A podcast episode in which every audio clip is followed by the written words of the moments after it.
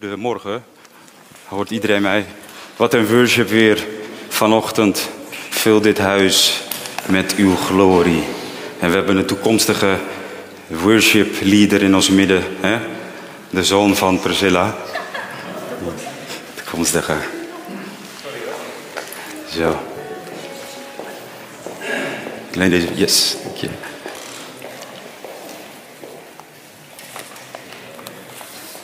Zo. Het is weer een mooie zondag vandaag. Het is wel een frisse zondag. Is iemand het met mij eens of ben ik de enige die van de zomer houdt? Nee, hè? Nee, ik zie het. ja. Zo.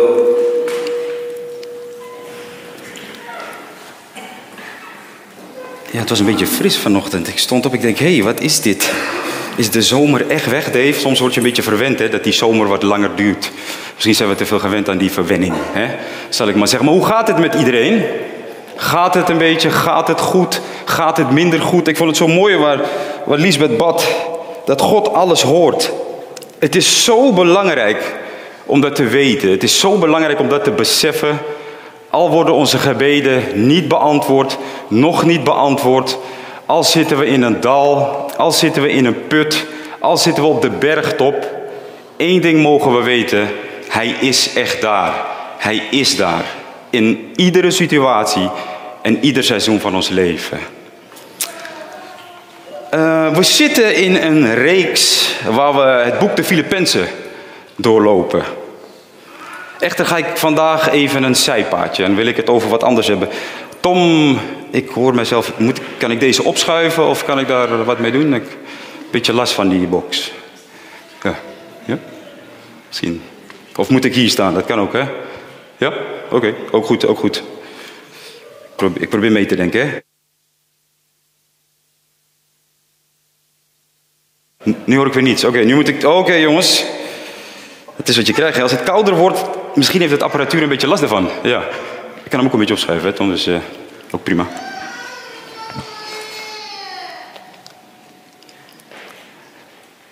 Ja, ook goed. Yes. Dankjewel, Tom. Dankjewel. Um, ja, dus ik um, ga even een zijpaadje. En dat is gelukkig nooit een probleem. Want Gil zegt altijd, breng de boodschap die op jouw hart is. En de boodschap die ik vandaag wil delen is een boodschap die ik toch al enige tijd op mijn hart heb. En ik wil het met jullie vanochtend hebben over vreugde. En de titel van mijn boodschap luidt: Zijn vreugde, mijn kracht. Ik wou zo doen: Zijn vreugde, mijn kracht, maar hij is heel klein. Maar zijn vreugde, mijn kracht. Zullen we bidden? Liefdevolle Vader, we danken u voor deze ochtend. We danken u voor uw woord, God, want uw woord is de waarheid. Dat ons leidt en ons sterkt en ons bemoedigt en inspireert. En ook deze ochtend wil u vragen, Vader, of u uw gang wilt gaan. Heer, ik bid voor open harten, Vader, om uw woord te ontvangen, Vader. En ik dank u wel, Vader, dat het vrucht voort zal brengen in ons leven. Heer, ik dank u dat ik mag weten staan, iedere belemmering in wat voor vorm dan ook, Vader. En mag beleiden dat waar de geest van God is, vrijheid zal zijn. In Jezus' naam. Vroeger zongen wij een liedje, de vreugde des Heren is mijn kracht. Het is best een oud lied. Zijn er mensen die het liedje kennen? Zijn, eh, gaan een bepaalde leeftijdscategorie, handjes omhoog. Ik ben trots op jullie. Ik ben trots op jullie. Maar dit, dit lied is geïnspireerd door een Bijbelgedeelte. En dat Bijbelgedeelte wil ik met jullie lezen vanochtend. Het is Nehemia 8, vers 10 en 11.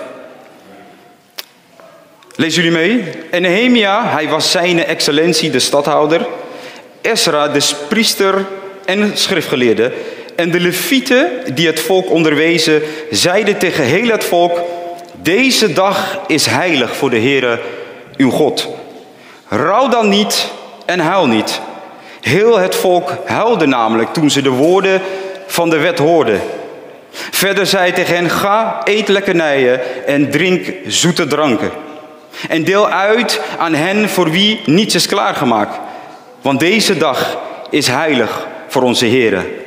Wees niet bedroefd, want de vreugde van de Here, dat is uw kracht. En het boek Nehemia, Nehemia, Nehemia, vormt een eenheid met het Bijbelboek Ezra. En dat is het Bijbelboek voor Nehemia. De boeken geven een, een verslag van de geschiedenis van Israël na de Babylonische ballingschap. En onder leiding van Nehemia werd de muur van Israël herbouwd. Het volk van God was afgedwaald. Maar het keerde weer terug naar God. En vanaf hoofdstuk 8 kunnen we lezen hoe de vernieuwing van het nieuwe godsdienstige leven centraal komt te staan. God wil de bron zijn van onze vreugde, vreugde in ons leven. Hij wil ten alle tijden en in alle omstandigheden zijn vreugde beschikbaar stellen voor ons. En als een bron van kracht zou dat moeten zijn, want de vreugde des Heren is onze kracht. Ten alle tijden is zijn vreugde beschikbaar.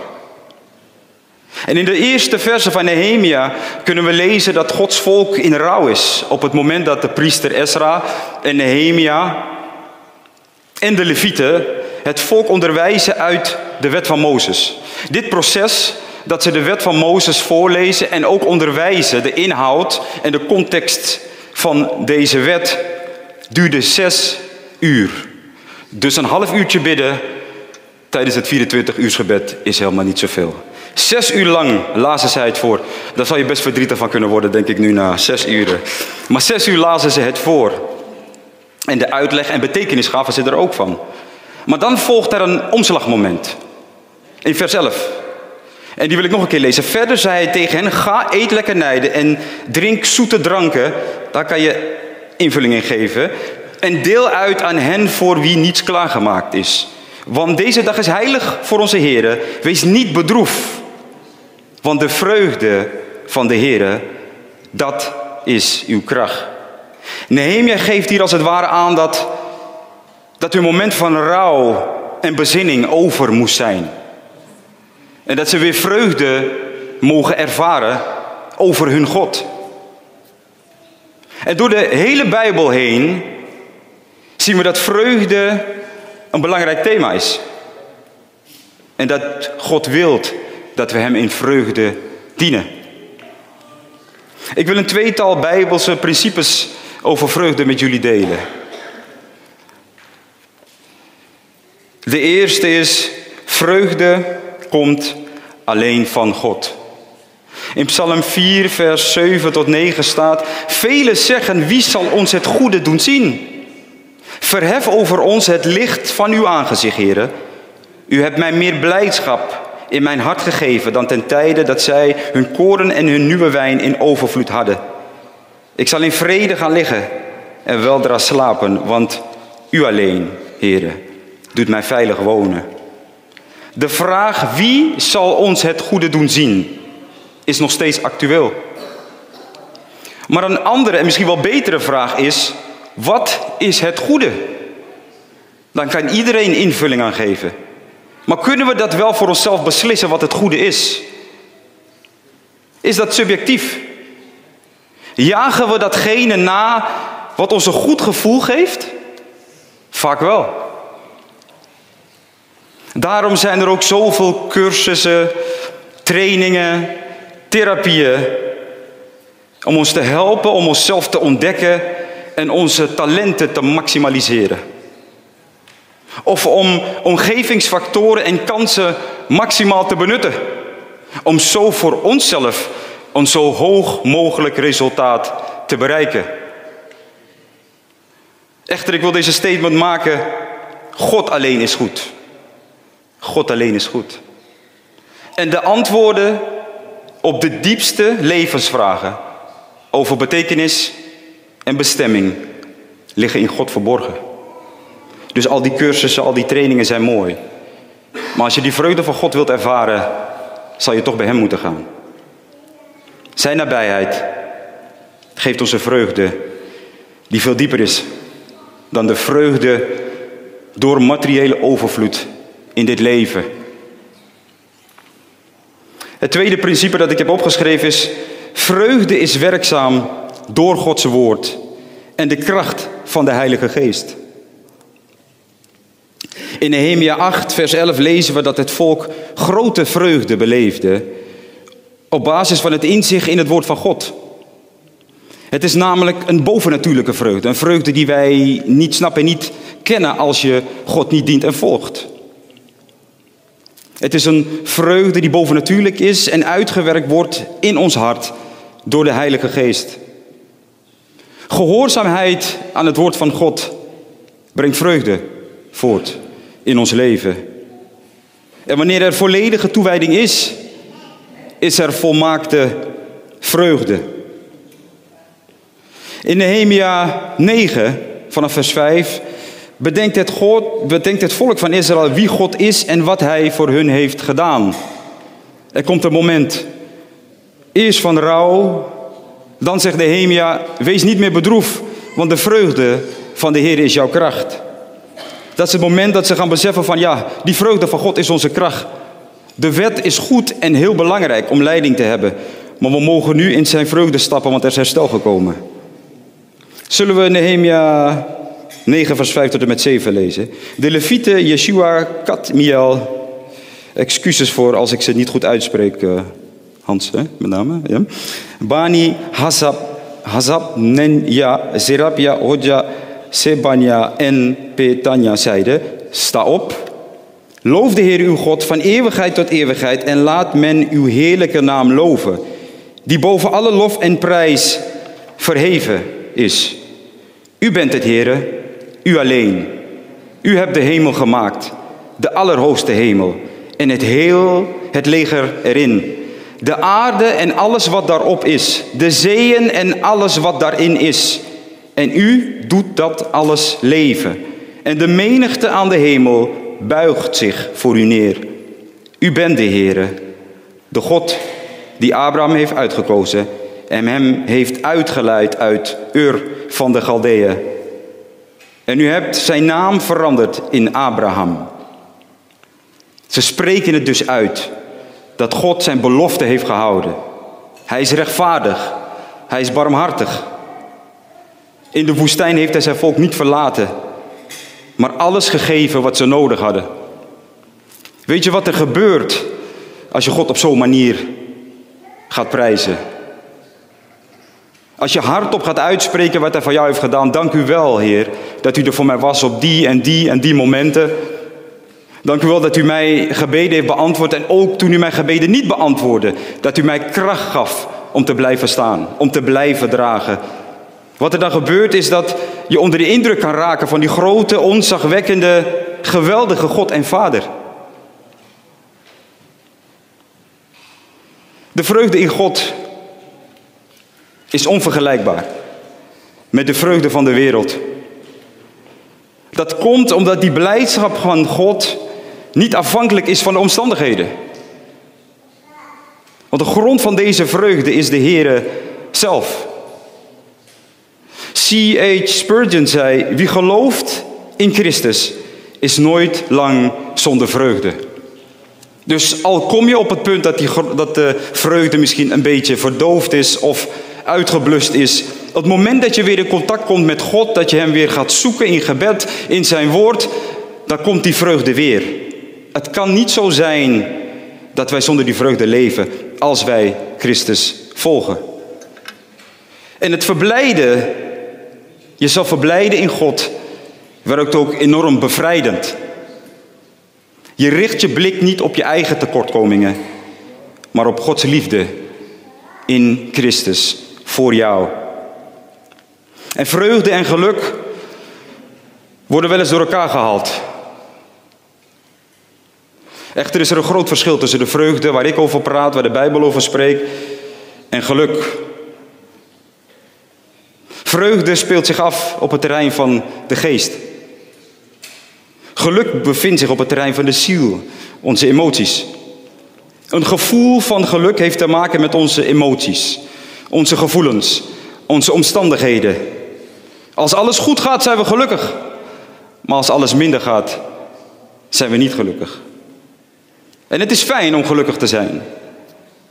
Maar het is ook een gevoel dat we niet voortdurend kunnen hebben. Vreugde daarentegen is niet afhankelijk van gevoelens en omstandigheden. Het is niet afhankelijk van onze lichamelijke, fysieke conditie. Er bestaat slechts één bron van vreugde en dat is God zelf. Hij is eeuwig. Hij is onveranderlijk. Hij is de reden dat wij vreugde kunnen ervaren. Juist op die momenten dat we niet gelukkig of blij zijn, kunnen we die vreugde ervaren. Want die gaat veel dieper dan geluk. En voor veel mensen is de komende periode, herfst en de winter, dat het eh, eerder donker wordt, een sombere periode. Want het wordt al eerder donker, dat zie ik ook. En de klok gaat volgens mij een uurtje terug. En dus dan ga je in het donker naar school en naar het werk. En dan kom je ook weer in het donker thuis. En het schijnt dat dit, deze beleving, deze ervaring, volgens een Deens onderzoek ervoor zorgt dat mensen depressief raken in deze periode. En het heeft met name te maken dat onze hersenen, maar ook ons lichaam, heel veel behoefte heeft aan licht en frisse lucht. Dus dat neemt af en daardoor gaan we meer binnen zitten. En dus de kans dat we depressief en somber raken is groter. Maar de vreugde des Heer is onze kracht. Dus wanneer de vijand ons ook wilt verzwakken, dan zal hij proberen onze vreugde te stelen. Zoveel momenten zullen komen, thuis, in je gezin, op het werk, waar je ook bent. Zoveel momenten zullen komen waarbij de tegenstander zal proberen om jouw vreugde te stelen. Om je te ontmoedigen. Maar weet je dat vreugde is het bewijs dat je kracht hebt.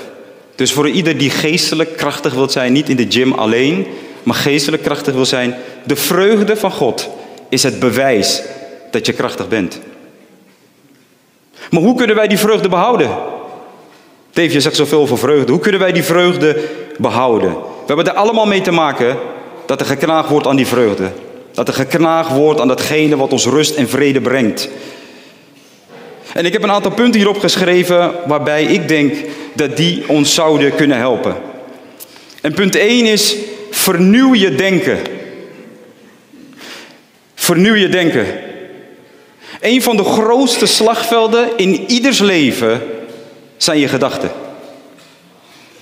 In feite is het een van de meest voorkomende strategieën van de vijand om je gedachten te besmetten met negatieve, zondige en kritische gedachten. In Efeze 6, vers 16 staat: Neem bovenal het schild van het geloof op, waarmee u alle vurige pijlen van de boze zult kunnen uitblussen. Het schild van geloof in deze context is Jezus Christus. Wij dienen het schild van geloof zelf op te heffen. Dit spreekt van vertrouwen op God. Bij Hem zijn wij veilig in alle omstandigheden. En het vernieuwen van onze gedachten zet de grendel op de deur van deze toegangspoort, waardoor de vijand binnen probeert te komen en onze vreugde wilt stelen. Je moet je gedachten disciplineren om elke negatieve gedachte te weerleggen met het woord van God. Bijbelse meditatie, heb ik geleerd, is een van de beste manieren om onze geest te vernieuwen. Er wordt ook wel gesproken dat het woord van God is als een waterbad. We gaan in de wereld, we komen misschien terug naar huis. We hebben al zoveel meegemaakt op een tienurige werkweek, werkdag, wat we ook doen. Het is dan goed om het woord te lezen.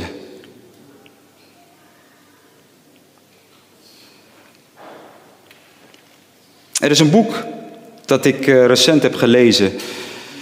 En dat omschrijft meesterlijk goed, vind ik, hoe je praktisch omgaat hiermee.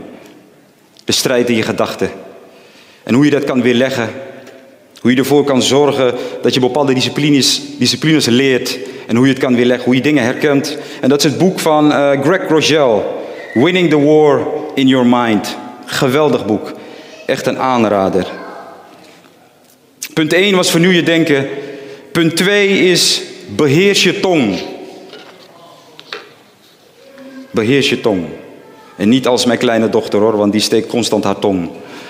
Maar jullie weten waar ik over praat. Als de vijand een open deur ziet in ons gedachten, zal hij proberen jouw tong over te nemen. Dat betekent alles wat jij uitspreekt. In Lucas 6, vers 45 staat: De goede mens brengt het goede voort uit de goede schat van zijn hart. En de slechte mens brengt het slechte voort uit de slechte schat van zijn hart. Want uit de overvloed van het hart spreekt zijn mond. Nog een tekst die het heeft over de tong is Jacobus 3, vers 6 en 8. Vers 6. Ook de tong is een vuur, een wereld van ongerechtigheid. Zo staat het met de tong onder onze lichaamsdelen. Ze besmet het hele lichaam en zet onze levensloop vanaf het begin in vlam. En ze wordt zelfs door de hel in vlam gezet. Vers 8, maar de tong kan geen mens stemmen. Ze is niet te bedwingen. Ze is een niet te bedwingen kwaad. Vol dodelijk vergif. Het is waar jij jouw tong voor gebruikt. Maar als wij leren om onze tong en wat wij zeggen te beheersen, zullen we een sfeer in ons hart creëren waarin vreugde kan groeien en kan bloeien. Punt 3. Onderwerp jouw wil. In 1 Samuel 15, vers 23 las ik een mooi, maar ook best wel confronterend stuk.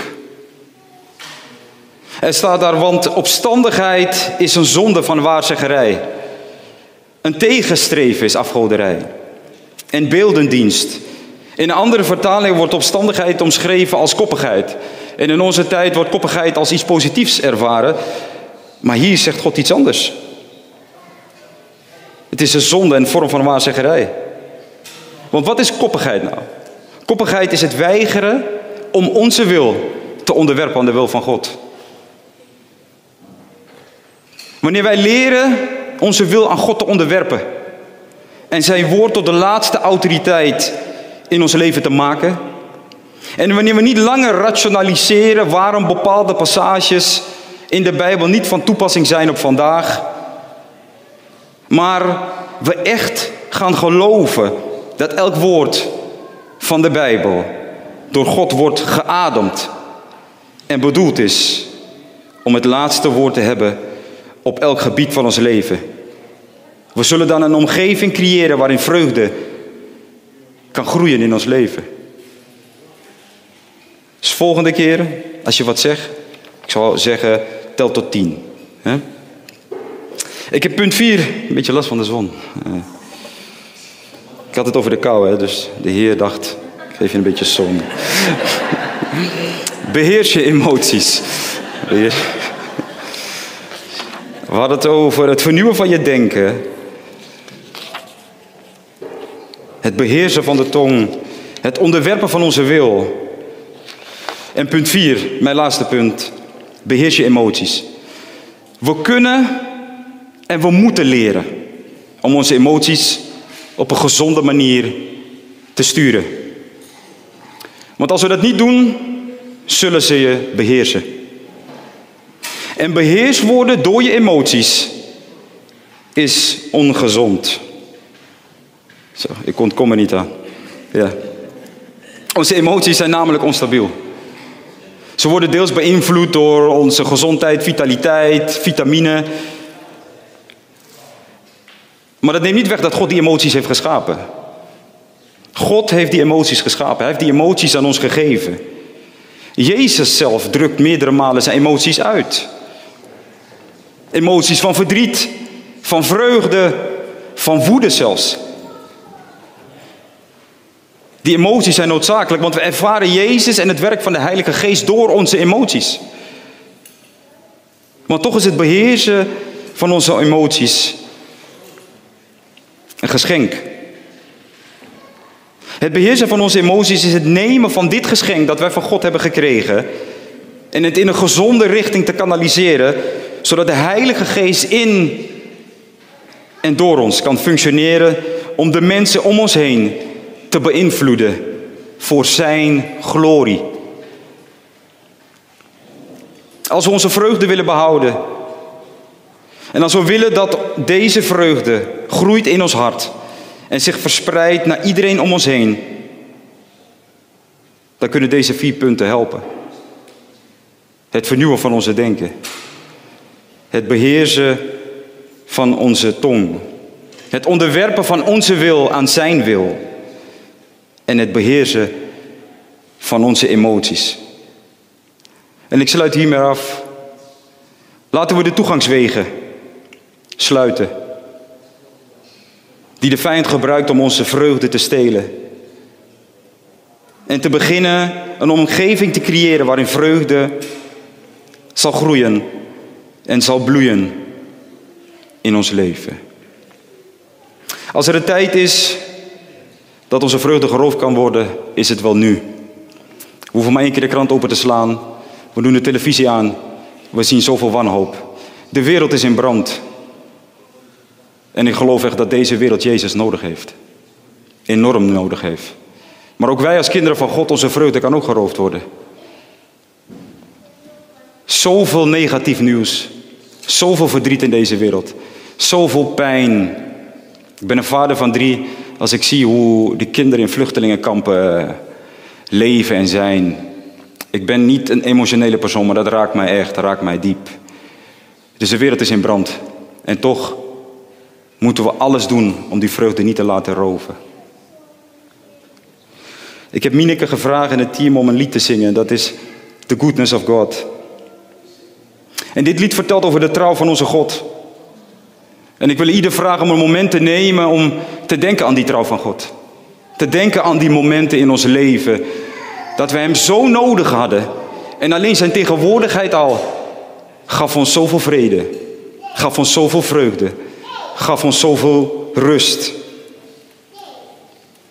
En als wij worstelen met onze vreugde, of als we omstandigheden toe hebben gelaten die onze vreugde hebben gestolen, dan is dit misschien het moment om terug bij Hem te gaan en alles aan Hem te geven wat ons vasthoudt.